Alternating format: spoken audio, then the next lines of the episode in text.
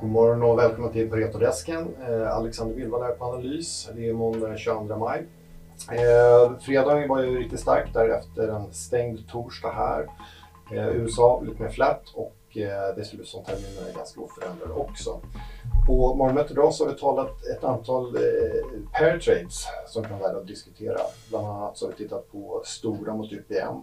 Eh, där tycker vi att det ser ut som att rabatten i Stora krympt ihop lite väl mycket. Eh, samtidigt så har vi ett lite bättre fundamentalt momentum som vi ser i UPM så att eh, där skulle man argumentera för UPM mot Stora. Om vi är kvar inom skogsindustrin så har vi också tittat på skogsägarna då, SCA mot Holmen. Eh, när man jämför dem så kan man konstatera att eh, premien i SCA på vinstmultiplar har krupit upp rätt rejält och är lite högre än vad man kanske borde, skulle kunna motivera. Eh, så att här ser det ut som att den outperformance vi har sett i Holmen under ett antal år, även om den har varit ganska slagig, den eh, skulle kunna ha potential att eh, återgå då.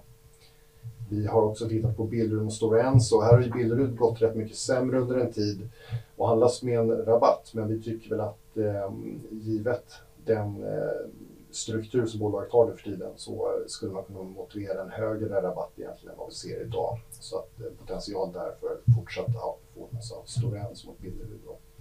Och om vi tittar på eh, stålbolagen i Sverige så har vi SSAB Leima. SSAB har ju gått riktigt bra. Ehm, samtidigt så tycker vi väl se lite i rapporten att momentum i fundamenta skulle man kunna se som något starkare i Aleima faktiskt. Q4 och Q1 ja, eh, vad gäller res ja, resultattillväxt och eh, försäljningstillväxt. Eh, här handlas eh, SSAB med en, med en rabatt eh, mot Aleima men den ligger ungefär på den nivå som vi tycker att man kan motivera. Eh, så att, eh, det är lite vad vi tittat idag på morgonen. Vi får önska en fortsatt trevlig dag och en bra start på veckan. Tack så mycket!